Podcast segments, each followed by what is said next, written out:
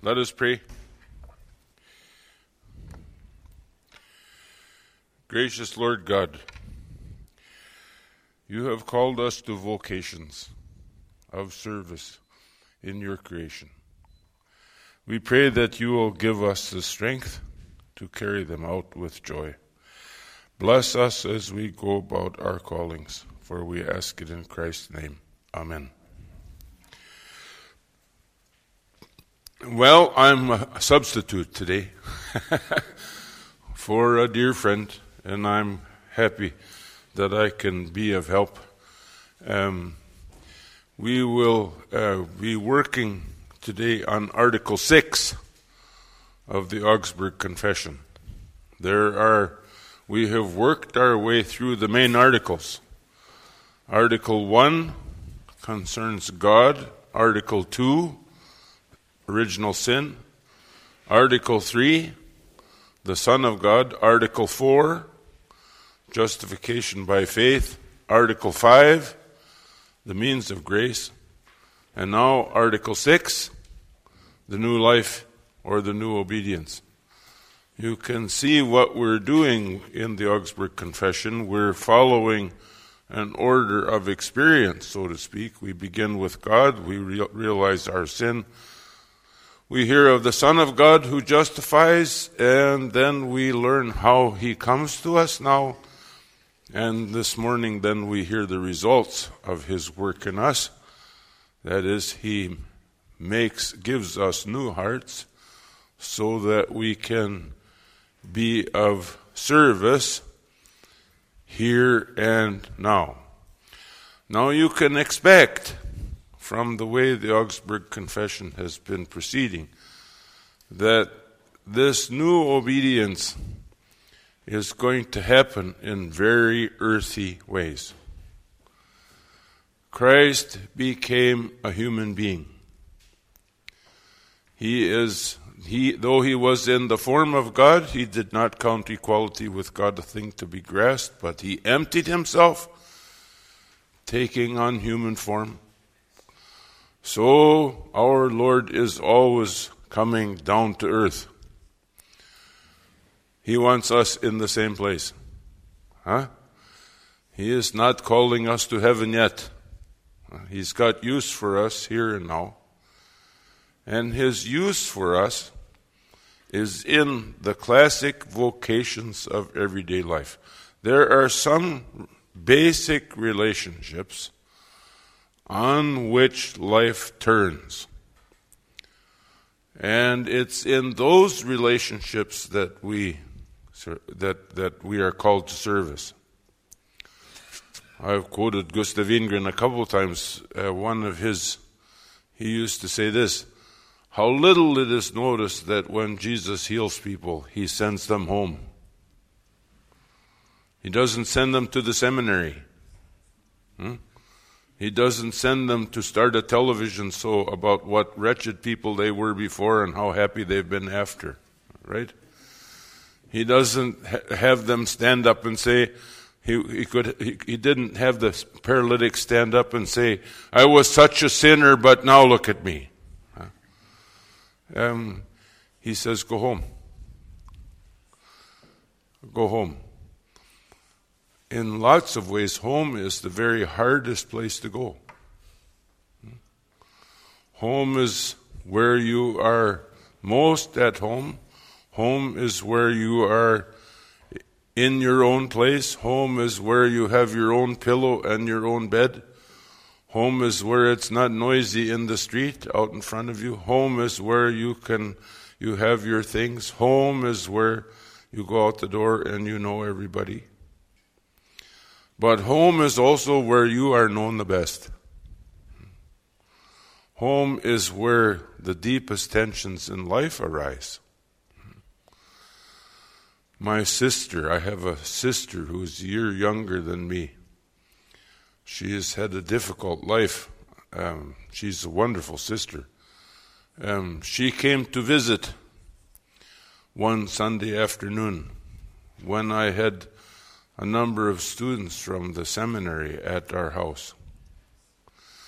So I was in the kitchen making coffee and helping Carol, and we were getting some cookies and things to serve. And I came back in the living room, and here my sister was regaling the students with stories of my sinful past. She was rehearsing my sins one by one to my students. This is a sister's job, you know.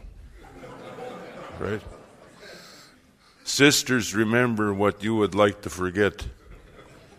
And they have a way of reminding of it you just when it's the very difficult, most difficult time for you to have it remembered. I mean, you have to love her for that, but you know, sometimes it gets to be a little humiliating too. You know, that's there. There are these tensions in the family. Hmm? There are these tensions between brothers, for instance, hmm? or between brothers and sisters. Hmm? Now our children are grown. We have sons in their 40s and one in his 30s, and grandchildren, but we still know these tensions.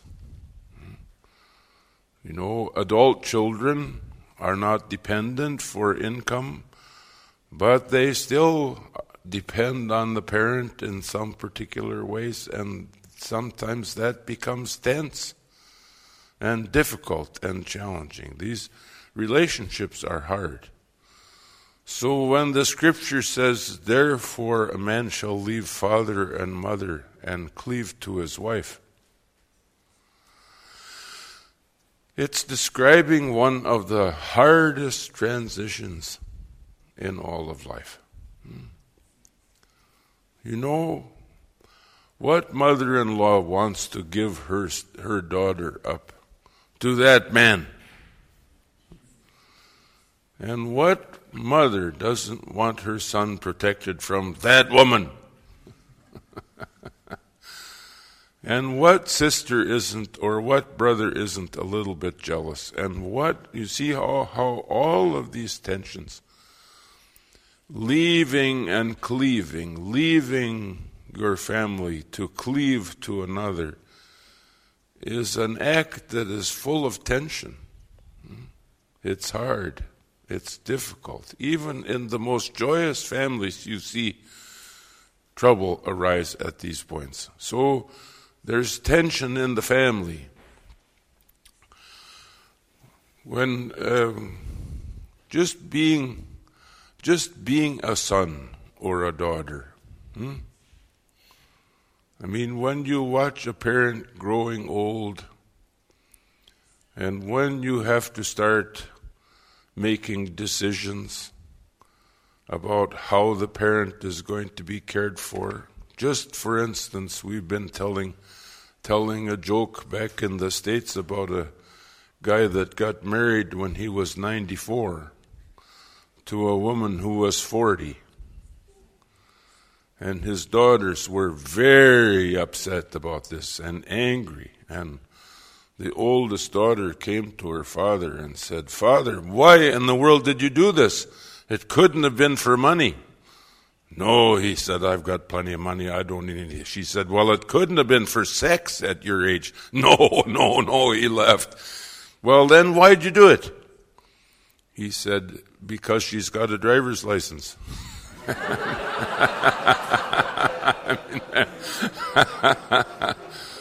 you know. Well, we're we're going through this now with some friends who are getting ready to take their father's driver's license away. For it's deep pain for him and deep pain for them. You know, just this little thing, seemingly little thing, is causing all kinds of tension in the family. And now they know what's coming when he can't drive. They're going to have to give him rides and he's going to complain and say, You never get here on time or you never pick me up. And they're going to say, You know, you're going to have to start wearing some depends because you smell of urine. it's difficult and painful. And so there's built-in tensions in the family where you get you, you lose something every time you turn around. And if you go out of your house to work, the same thing happens. Huh? If you go out of your house to work, if you go to a job, you soon begin to experience the tensions of the job, hmm? the difficulties that go with working. Hmm? Adam, in the sweat of your brow will you eat bread. Pain, uh, Eve, and pain will you bring forth children. We we serve in our vocations in public life and we lose something every time. Hmm?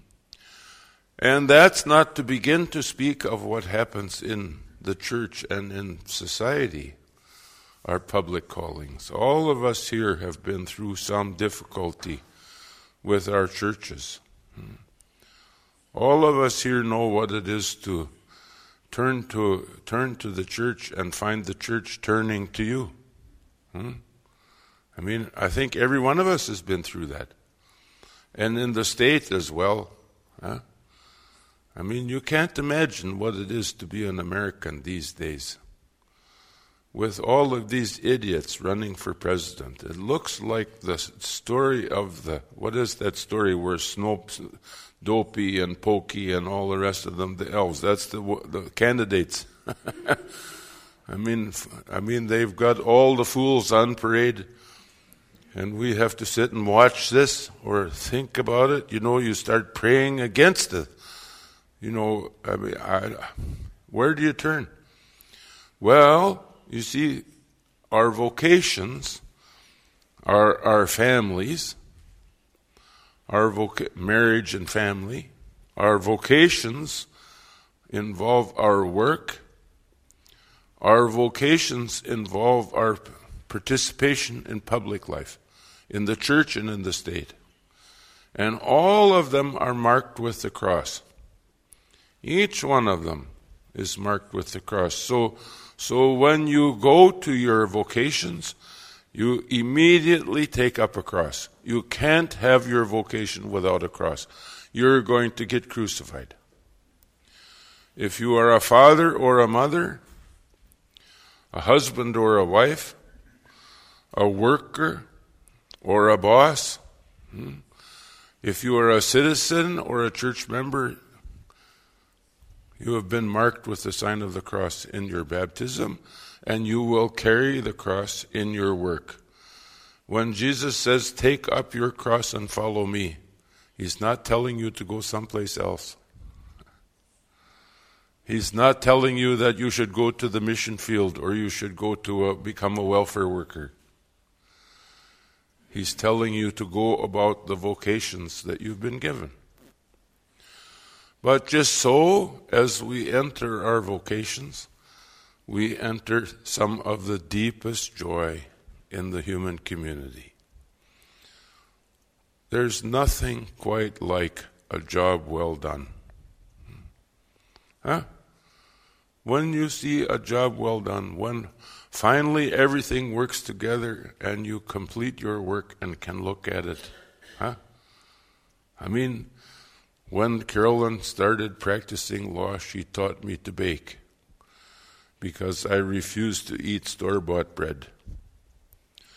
So I have been baking all these years. You know what it is to take bread from the oven and set it on the counter and smell the whole house full of that beautiful. There is a job well done. Huh? Or when you see one of your children do something well, hmm? Grandpa, I can skate. Watch me skate, Grandpa. Huh? And here's a little girl falling down and getting up, falling down and getting up, falling down and getting up, smiling and laughing. Huh? and her older brother a little bit better, but still falling down and getting. That's a job well done. Hmm? Children growing. And if you look in the life of the church, you know Christ Jesus keeps the church a secret from us. He, he won't let us see it at its best, except when there is big trouble. When there is big trouble, he pulls the wraps off the church and he lets us see. And it's as beautiful as anything you've ever seen in your whole life. Hmm? There is the church in the face of the death of the sudden death of a member. There is the church when the church comes under attack standing together. There is the church uncovered so that we can see it, and then we see Christ Jesus at work, huh? At work amongst us, uh, caring for us, providing for us.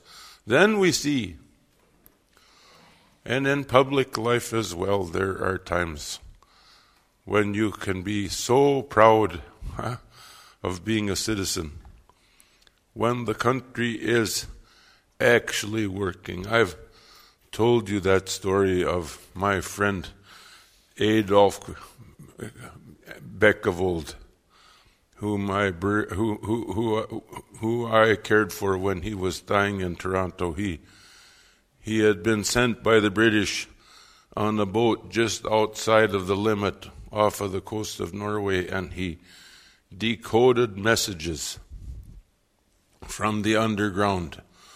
So yesterday we walked over across to the to the St. Mary Church and we walked around the castle and there was a statue of King Haakon. was that fun? I mean, we I read of how the Norwegian underground was paying tribute to King Haakon in exile at the end of the war and how they sent messages to him, you know, welcoming him back in 1945. I mean, it's beautiful. You're seeing something great. This is nations can be at their best, and when they are, you can see the goodness of God in them. So we see the crucifixion, of course, in our families.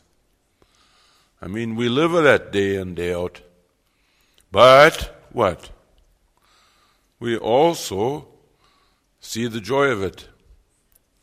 Work is work. I mean, if work wasn't work, it wouldn't be work. But in the crucifixion of work, we also enjoy the resurrection of it. Huh? A job well done. And in the difficulty of the church, we see the church at its best occasionally. And in the difficulty of public life, we see the state at its best on occasion. And then we rejoice in the goodness of God. These relationships are the most important because they are the ones through whom through which God is giving life. They are the ones through which God is sustaining us and maintaining life in us. Through the family, through our jobs, through the pub, through the church, through public life, God is at work in his creation to care for us. Now here's the good news. He's got use for us. He's got use for us here. He's looking for some help. Not because he can't do it himself, that's not the problem, but because he wants us to be his hands and his feet in these relationships. Now, there are two ways that this can happen. One way it can happen is by sheer force. Some things we do because we have to. I don't know about you, but Carolyn and I did not change our children's diapers because we enjoyed it. This was not something that I looked forward to each morning. When I heard the explosion I thought maybe Carolyn is closer than I am. and when she heard it, uh, sometimes I heard her say, Jim, it's your turn. Right? right? We don't do this because we want to, we do it because we must. And in the same way, um, when you sit with a child who's having trouble at school, when you deal with a child who is anxious about leaving home, this can be extraordinarily painful. It's not stuff we do because we, ju- we, we can really enjoy it. We do it because we have to, because we must. So it becomes a matter of law. It becomes an obligation, something that we have to do. And sometimes we do it just that way, reluctantly, sadly. Hmm? Clothespin on the nose, trying to protect ourselves from odors that just waft over the room. I mean, you. No, no, no, no. Sometimes we change the diaper because we must. But there's another way that this can happen. There's another way that this can happen. It can happen in love. It can happen this way that you change the diapers for the joy of caring for the child. Mm-hmm. It can happen this way that you sit with the anxious child just because that child is worth sitting with.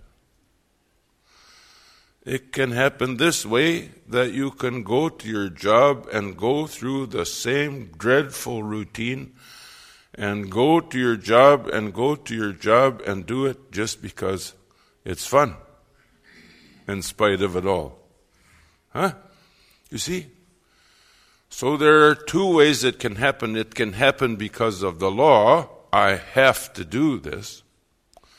It can also happen because of love. Because of love. It can happen because you love the one you are caring for. I'll tell you a little story. Oregon is the, uh, in the far west of the U.S. It's right on the Pacific coast, north of California, south of the state of Washington. It's a place where people from the eastern part of the country go because they can hide. So there are all kinds of people on the western coast of Oregon who are there because they don't want to be someplace else. So when I was a young pastor, first ordained, I was sent to a little town on the very uh, coast, the Pacific coast, just 12 miles from the ocean. There was a jeweler in the congregation uh, who was he, he was uh, he had cancer. He had two daughters, uh, both of them just a, long, a little bit younger than I was at that time. And one of them had brought her boyfriend home from the university. He was sure that no one in that little town would ever know who he was. But I recognized him the minute I saw him. My father and his father had been friends for a long time. And though I hadn't known him previously, he looked so much like his dad that I was absolutely sure. So I called my dad and said, I have seen this boy. He said, You have? They've been looking all over the country for him. I said, Did he leave? He said, He ran away. He's been gone for over two years. They haven't had any contact with him. They, he, they tried to find him, they can't find him. Well, I said, Don't say anything to them yet, but I'll watch and tell you when it's okay. So I had already seen a heart in that boy that was big. For some strange reason, he and that jeweler had become friends. I'm not sure he was taking the jeweler's daughter out because he wanted to make friends with the jeweler. I think he wanted to make friends with her for a night at a time. I, I, you know, I'm not sure he had good intentions. But for some reason, he just liked that jeweler. He, he loved him. And so, pretty soon, when the man complained, My, this student was right there with the pillows. And when we would pray for the jeweler, he, the young man, would sit off to the side and bow his head, but kind of watch just to make sure I wasn't watching to know what he was doing. But as it went along, I could see that he wanted to be part of the prayer and that he, he too was praying with us in silence. And as it went on, it became more and more apparent that something had happened between the jeweler and this runaway boy that was magic. Hmm. I was doing my job. I had to care for this man when he was dying. I didn't know him. I went because I was his pastor.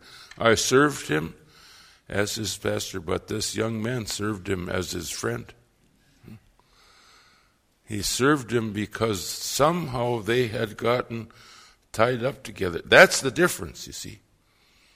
Some things we do because we have to.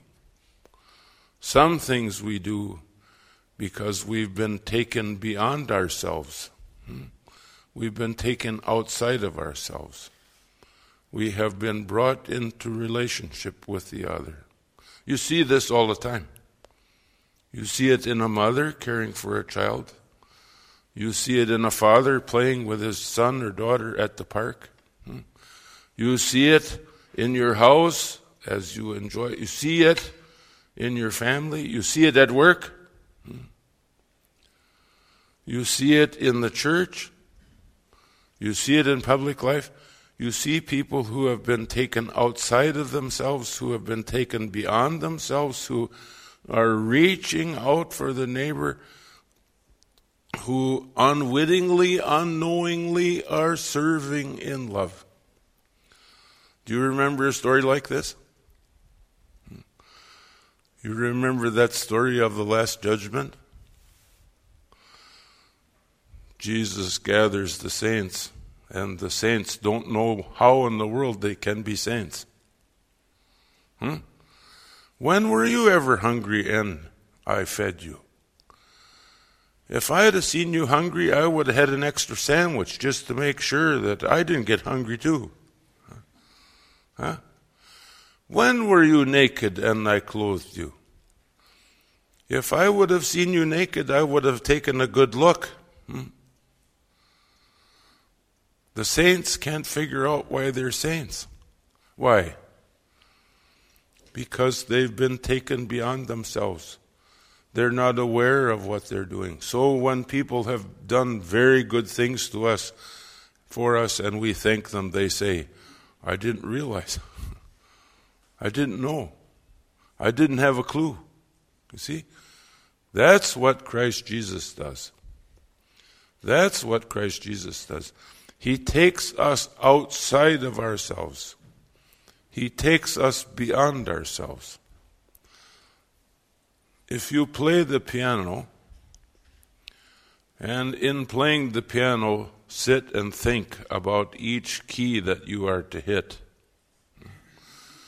pretty soon it will become very boring. But what happens? When you play the piano, pretty soon you start to hear the tune. And then you're not thinking about the keys anymore, you're thinking about the music. In the same way in sports, sometimes we say in, uh, about pe- uh, athletes they clutched. They tried so hard that they weren't able to do it. They destroyed what they needed to compete. I remember one of my favorite memories is a, of two baseball games where a, a doubleheader where one of the players got nine hits. He was at bat nine times and he got nine hits. And the reporter said, What happened? How'd you do that? He said, I don't know. I was out of my head. See, when we get beyond ourselves, in music or in sports or in relationships, then we can be some good to the other. That's what Christ is doing. Our sin is this that we think we have to be in charge of ourselves, that we have to control ourselves, that we have to do it ourselves, that we must realize this, that we must, must, must, must, must, must, and then we clutch. But when Christ Jesus takes us beyond ourselves, when he frees us from ourselves, then all of a sudden we can move. Huh? We can move in the joy of the relationship. Huh? We can move in the delight of the other. Christ has redeemed us from ourselves so that we can enter our vocations with joy even where we're being crucified. Hmm? We can go and we can, in the delight of service, be free. Now that is salty stuff. See, when you see that, you never forget it. When you see that, you remember it for good. Now I am older and I am helping my pastor care for the older members of the congregation. So I go to people when they're sick and when they're dying, and I look after them. That's my job, to call on them. And I see miracles happen almost every day. Because in age, you see people who aren't worried about themselves anymore, that can only think about the other one, the spouse. Hmm? So I've seen this, for instance. I see spouses who are dying, ministering to the spouse that will live on because they know how difficult it is going to be. I see spouses caring for one another right to the last, holding one another in the last touch of life. I see children coming and giving themselves to parents with whom they've had deep conflicts, just for the joy of caring for that one. Huh? Those are all miracles. And they are all done because the Holy Spirit, the Spirit of the risen Christ, has gotten loose in the Word, and through the Word is creating a new obedience in us. This is not our work. This is not our work. If you start trying to do the Holy Spirit's work, you know what's going to happen? You'll destroy yourself. Hmm? It'll kill you. But if you just let go and let the Holy Spirit do what the Holy Spirit is good at, all of a sudden, good things start to happen. Not because you've been planning and resolving and achieving objectives and working at it so desperately, but because the Holy Spirit is good and is going to make you good for something. Huh? Is going to make you good at something so that you can care for your neighbor. This, this is what's new about the new obedience. it's not our achievement, that's for sure. It's the work of the Holy Spirit in us. So, we don't see it, we don't measure it, we don't achieve it, huh? we enjoy it. It's a lot of fun. Huh? What makes the new obedience new is that there is one working in us so that we can go to our vocations even where we're getting crucified. We can go to our vocations with delight. Hmm? Well, how about if we take some time for questions? I've gone very fast over things that I should have gone much more slowly with, but maybe if we have some time for questions, you can make me spell it out a little bit more. You're welcome to that.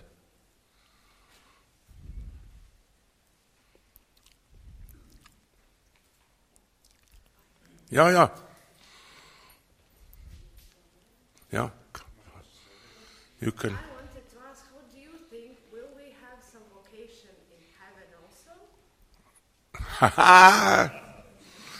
Uh, that's a wonderful question. Yeah.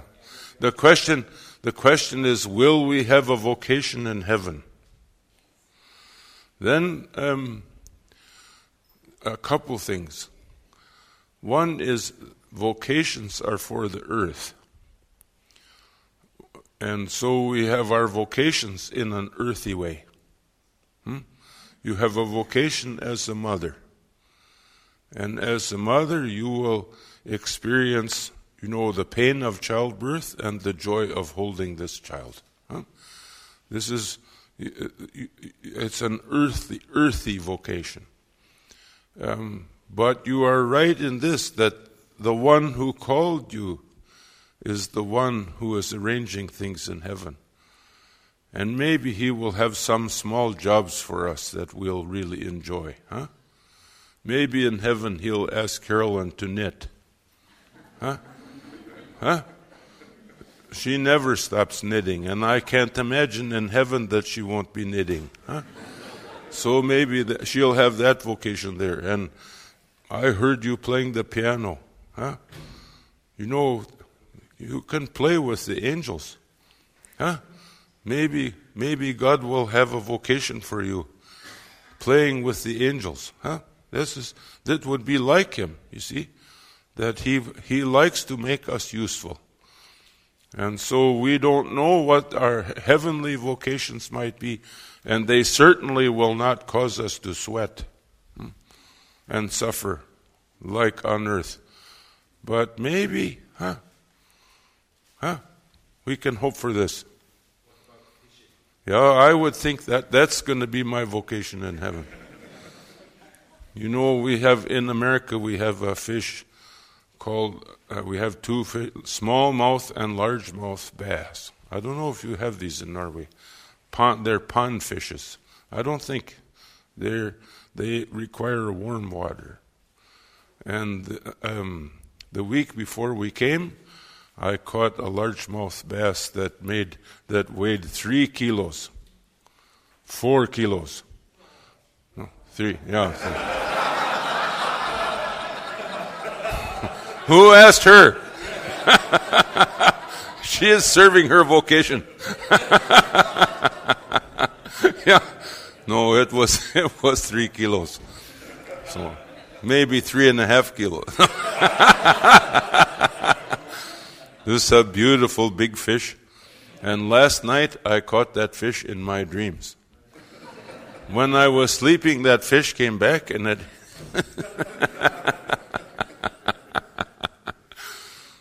yeah. so I think in heaven there should be fishing. But when we catch the fish in heaven, they'll enjoy it as much as we do. And when we let them go, we won't feel bad.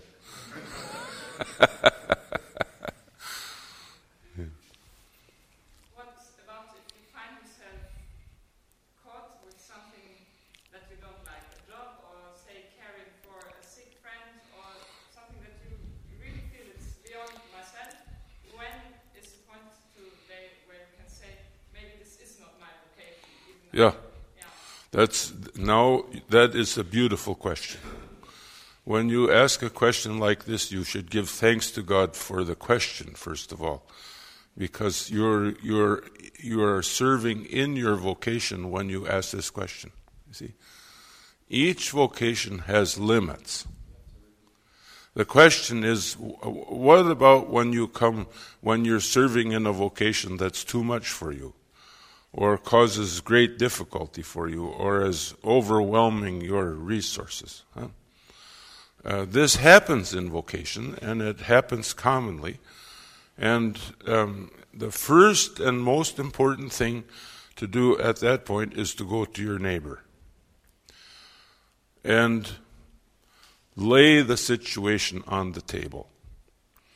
That is, tell your neighbor what's happening. Uh, someone who knows you well enough to know. Sometimes, sometimes uh, I overestimate myself. This is the normal situation. I think I can do it when I can't. And sometimes I underestimate. Then I need the neighbor to say, No, I think you can do this, or I think, I think we should get you some help. And that's the best thing that can happen.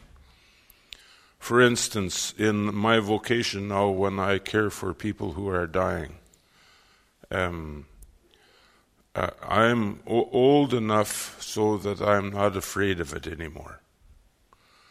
I can do this without fear.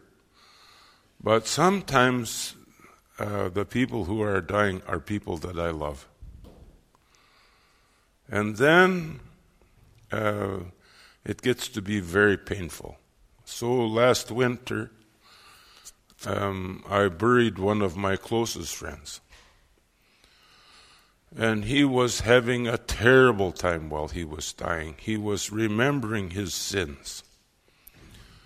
And he was remembering his sins in detail. And I'm afraid that um, some of those sins were uh, current enough so that that um, I really should have known what was going on, but I didn't. And I had to keep encouraging him, and I had to keep encouraging him, and I kept trying to figure out. I preached to him, I talked to him, I, I prayed with him, but he couldn't let this go.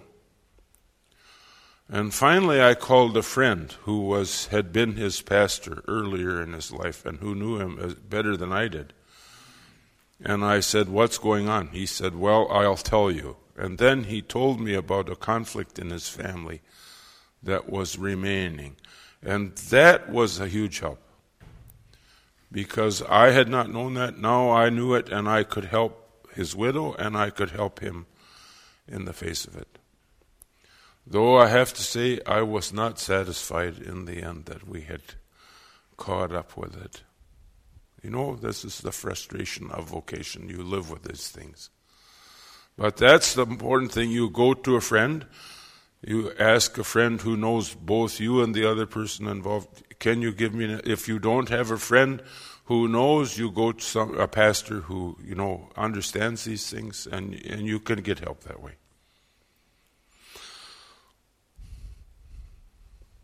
Since God has called you to this vocation, God will help you carry it. That's the truth of it.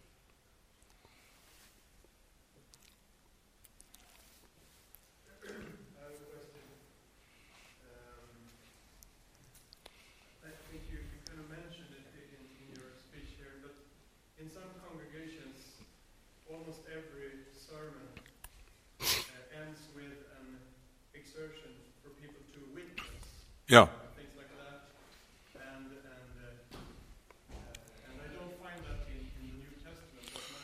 Yeah.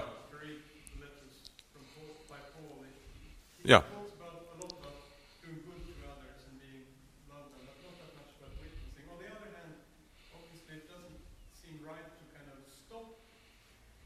Yeah. people from asking others to witness because obviously they want them to, to hear the gospel. But there's something, an imbalance in some way. Yeah.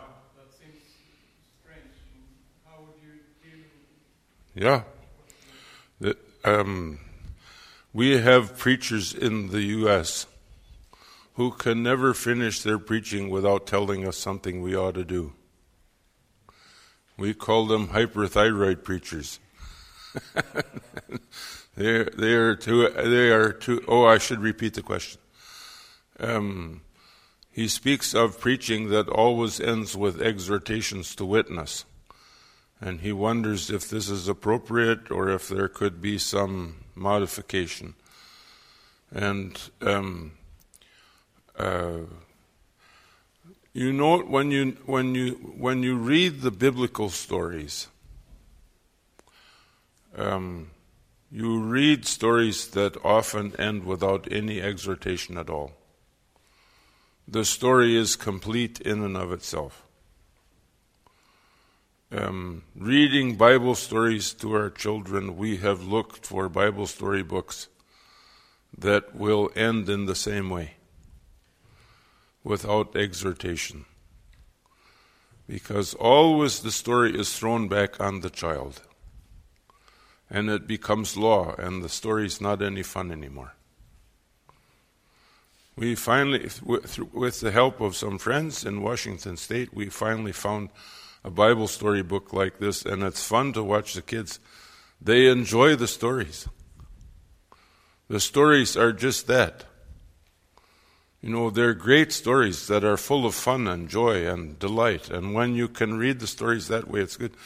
Sometimes preachers get nervous, you know, and think they have to tell their people, do this, do this, do this, do this, do this, do this. And, you know, I mean, it's helpful. You can say to your pastor, you can say, you know, we're very concerned about witnessing, and I wonder if you could witness to us by letting us go a little bit. Hmm? In a friendly way. Huh? Because pastors are very lonely oftentimes at these points, and you can be encouragement, give encouragement. I, but I share the frustration.